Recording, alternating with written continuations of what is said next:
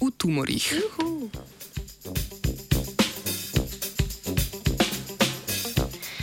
Mednarodna raziskovalna skupina v reviji Cell poroča, da so v tumorjih prisotne glive in da je vrstna sestava gliv povezana z določeno vrsto raka. Znanstvenice in znanstveniki so v zadnjih letih pokazali, da so v tumorjih prisotni mikroorganizmi. Za nekatere primere je znano tudi, da so za napredovanje raka ključne bakterije, ki živijo v tumorju. Veliko manj pa je znanega o vlogi gliv.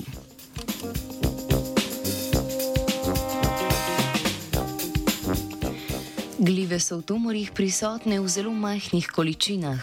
Običajno je v tumorju na 10 tisoč rakavih celic le ena glivna celica. To je velik izziv pri odkrivanju in raziskovanju gliv v tumorjih.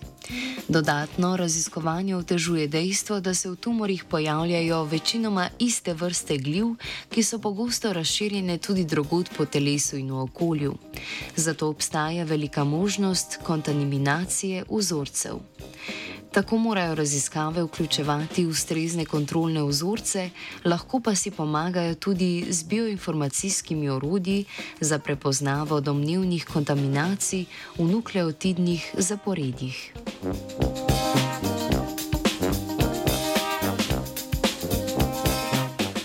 Mednarodna raziskovalna skupina je z eno od metod določanja nukleotidnega zaporedja in z reakcijo PCR v realnem času iskala prisotnost glivne DNA v več kot 17 tisočih tkivnih in krvnih vzorcih 35 različnih vrst rakov. Čeprav gliv niso našli v vseh vzorcih, so jih odkrili v vseh 35 preučevanih vrstah rakov. Našli so tudi več korelacij med prisotnostjo določenih vrst gliv in podtipom tumorja, odzivom na imunoterapijo ter starostjo in preživetjem pacijentke oziroma pacijenta. Med drugim so ugotovili, da je prisotnost kvasovke malasezija globoza, ki jo sicer poznamo kot povzročiteljico kožnih bolezni, povezana s slabšim preživetjem pacijentk in pacijentov pri raku dojk. Thank you. Raziskovalke in raziskovalci so dodatno preverjali prisotnost gliv v tkivnih preparatih raka trebušne slinavke, dojk, pljuč in jajčnikov ter kožnega raka s štirimi različnimi metodami barvanja. Glive, ki so jih videli na tkivnih preparatih, so večinoma rasle v rakavih ali imunskih celicah.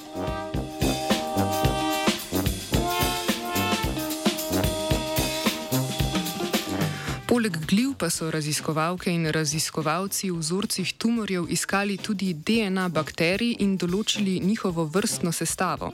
Ugotovili so, da se določene vrste gliv večinoma pojavljajo skupaj z določenimi vrstami bakterij. Tako se zdi, da v tumorjih glive in bakterije so bivajo, nasprotno kot denimo v črevesju, kjer med seboj tekmujejo za prostor in hranila. Predstavljena raziskava dokazuje pomembno vlogo gliv pri raku. Vendar raziskava ni odkrivala vzročnih povezav, torej kako glive pravzaprav vplivajo na rast tumorjev ali obratno. O glivah v tumorjih je poročala Angelika.